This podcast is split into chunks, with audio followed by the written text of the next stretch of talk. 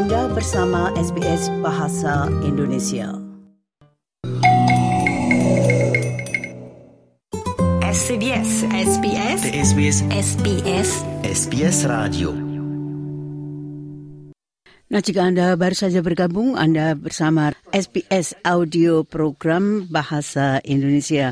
Sekali lagi untuk dengar ulang unduh podcast, Anda dapat kunjungi situs kami di www.sbs.com.au garis miring Indonesian. Nah, rupanya tamu kami yang berikutnya sudah berada di jalur, jadi saya akan segera menyapa Bapak Henry WS. Beliau adalah Master Chef Indonesia, Chef and Food and Beverage Consultant. Selamat siang, Chef Henry. Selamat siang Ibu Den, apa kabar? Bagus, terima kasih sekali Bapak yang sudah meluangkan waktu ini. Saya tahu Bapak sangat sibuk sekali. Jadi Bapak pada tanggal 8 Juli nanti itu Bapak akan mengadakan apa ingin memecahkan rekor muri itu rupanya. Ya, menciptakan rekor muri. Oh, menciptakan rekor muri, yaitu dengan mengajak orang-orang untuk memasak itu memasak makanan khas khas Palembang ya Bapak? Khas Ap- Lampung. Iya, apa itu namanya Bapak? Ketan engkang Eh, atau apa itu? Engkak. Ya, iya ketan engkak. Tuh. Apa itu ketan engkak itu? Ketan engkak itu sebetulnya sama seperti kalau kita membuat lapis legit. Nah, tetapi kita menggunakan tepungnya adalah tepung ketan. Nah, tepung ketan itu kita menggunakan santan, susu, dan juga gula pasir. Jadi eh, kita buatnya sama seperti lapis legit, kita buatnya susun. Jadi ada lapisan-lapisannya. Nah, ini kalau di Jawa Timur itu namanya kueku ya Bapak, kalau saya tidak keliru. Sem- Eh, semat-. Iya, sem- Eh, semacam spiku atau spiku atau apa begitu, semacam itu. eh, kepiku, ya. Ya. Ya, Nah, hampir-hampir mirip seperti itu. nah, kenapa dipilih engkak ketan itu, Bapak? Oke, eh, karena gini, eh, salah satu pertimbangan eh, kita adalah bagaimana kita melestarikan budaya eh, makanan yang menjadi ciri khas dari Lampung. Karena sebetulnya eh, makanan yang ada eh, di Sumatera itu kan bermacam-macam. Nah, ini kita ingin mempertegas lagi dan memperkuat bahwa itu sebagai ciri khas makanan Lampung dan juga buat mengangkat uh, budaya makwe angkat ini ke jenjang tingkat nasional. Siapa yang diharapkan akan berpartisipasi itu?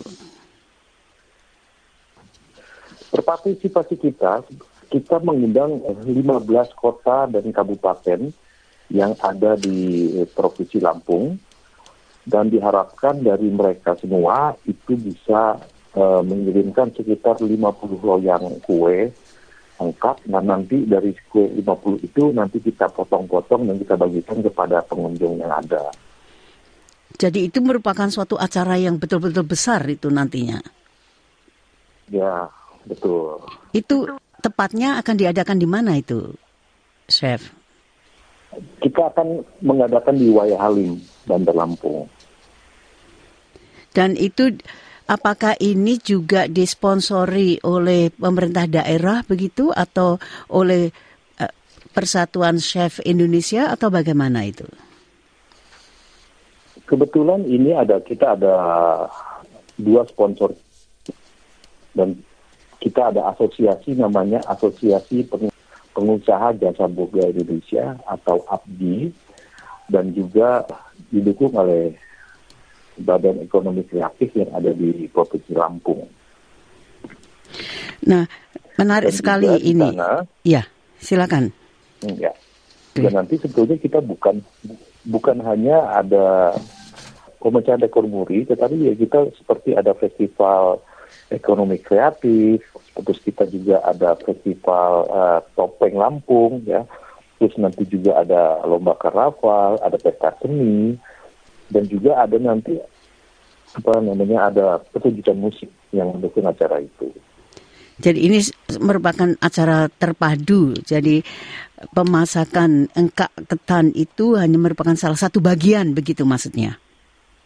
Ya, salah satu bagian. Jadi kita sedang berusaha tentang ekonomi kreatif. Ekonomi kreatif itu salah satunya adalah kuliner, termasuk juga adanya musik dan budaya. Nah, e, karena itu semua sebagai kesatuan dari ekonomi kreatif, jadi kita mencoba menggabungkan.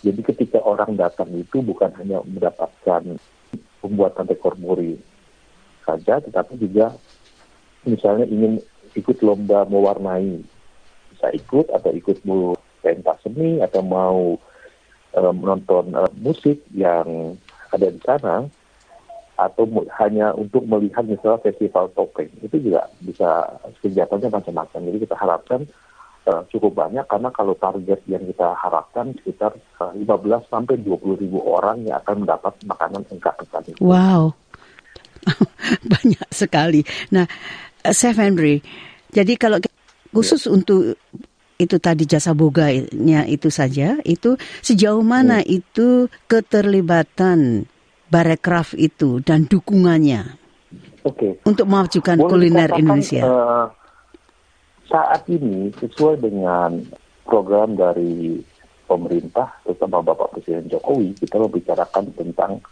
spice of the world atau bagaimana kita membawa bumbu-bumbu kita ke dunia internasional dan juga adalah salah satu program kita adalah bagaimana uh, membawa makanan um, go internasional. Di sini Badan Ekonomi Kreatif terutama yang di Provinsi Lampung sangat mendukung itu karena salah satu destinasi pariwisata kuliner dan gastronomi itu salah satu potensial yang perlu dikembangkan karena salah satu potensi yang uh, mudah dikembangkan dan sumbernya tidak akan pernah habis selama kita terus mengeksplor potensi yang ada.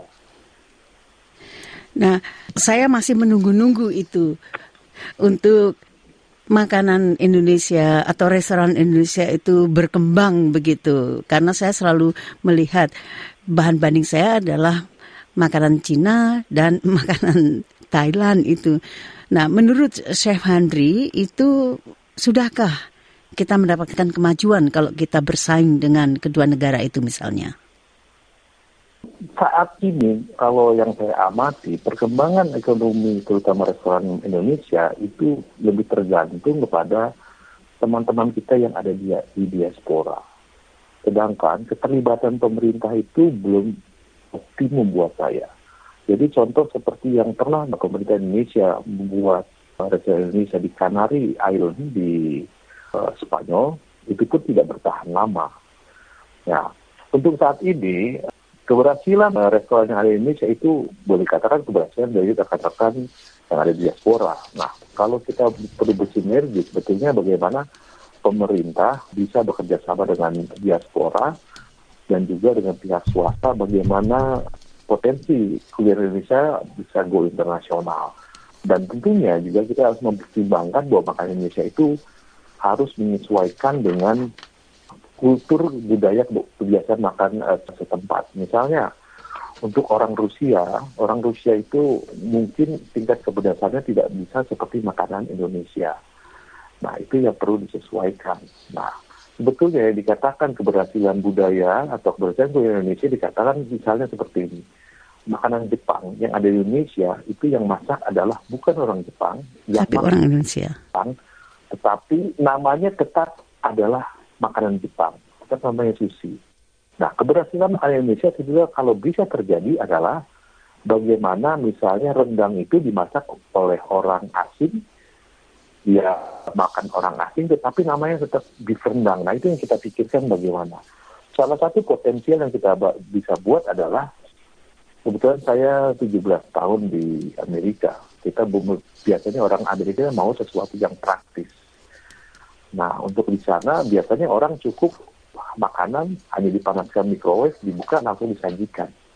Nah, itu sebetulnya salah satu potensi yang bisa kita pikirkan. Yeah. Karena untuk masuk ke Amerika misalnya aturan dari USDA itu yang harus dipertimbangkan. Nah, seperti beberapa uh, waktu yang lalu, William Wongso itu membuat pabrik rendang di Bulgaria. Kenapa William Wongso membuat di Bulgaria? Karena Bulgaria termasuk dari masyarakat Eropa. Jadi aturan yang ada di Bulgaria bisa diterapkan di seluruh Eropa. Jadi kalau sudah melewati standar burger itu bisa dipakai di Eropa. Nah, Semuanya. itu yang perlu dipikirkan kalau memang makanan Indonesia mau go internasional. Nah, itu satu masukan yang sangat-sangat berharga itu, Chef. Mungkin dengan kesempatan kita dapat berbicara tentang hal tersebut itu. Chef Handri WS, terima kasih sekali Bapak atas penjelasannya dan sukses untuk tanggal 8 Selamat Juli pagi. mendatang. Selamat siang. Terima kasih, selamat siang.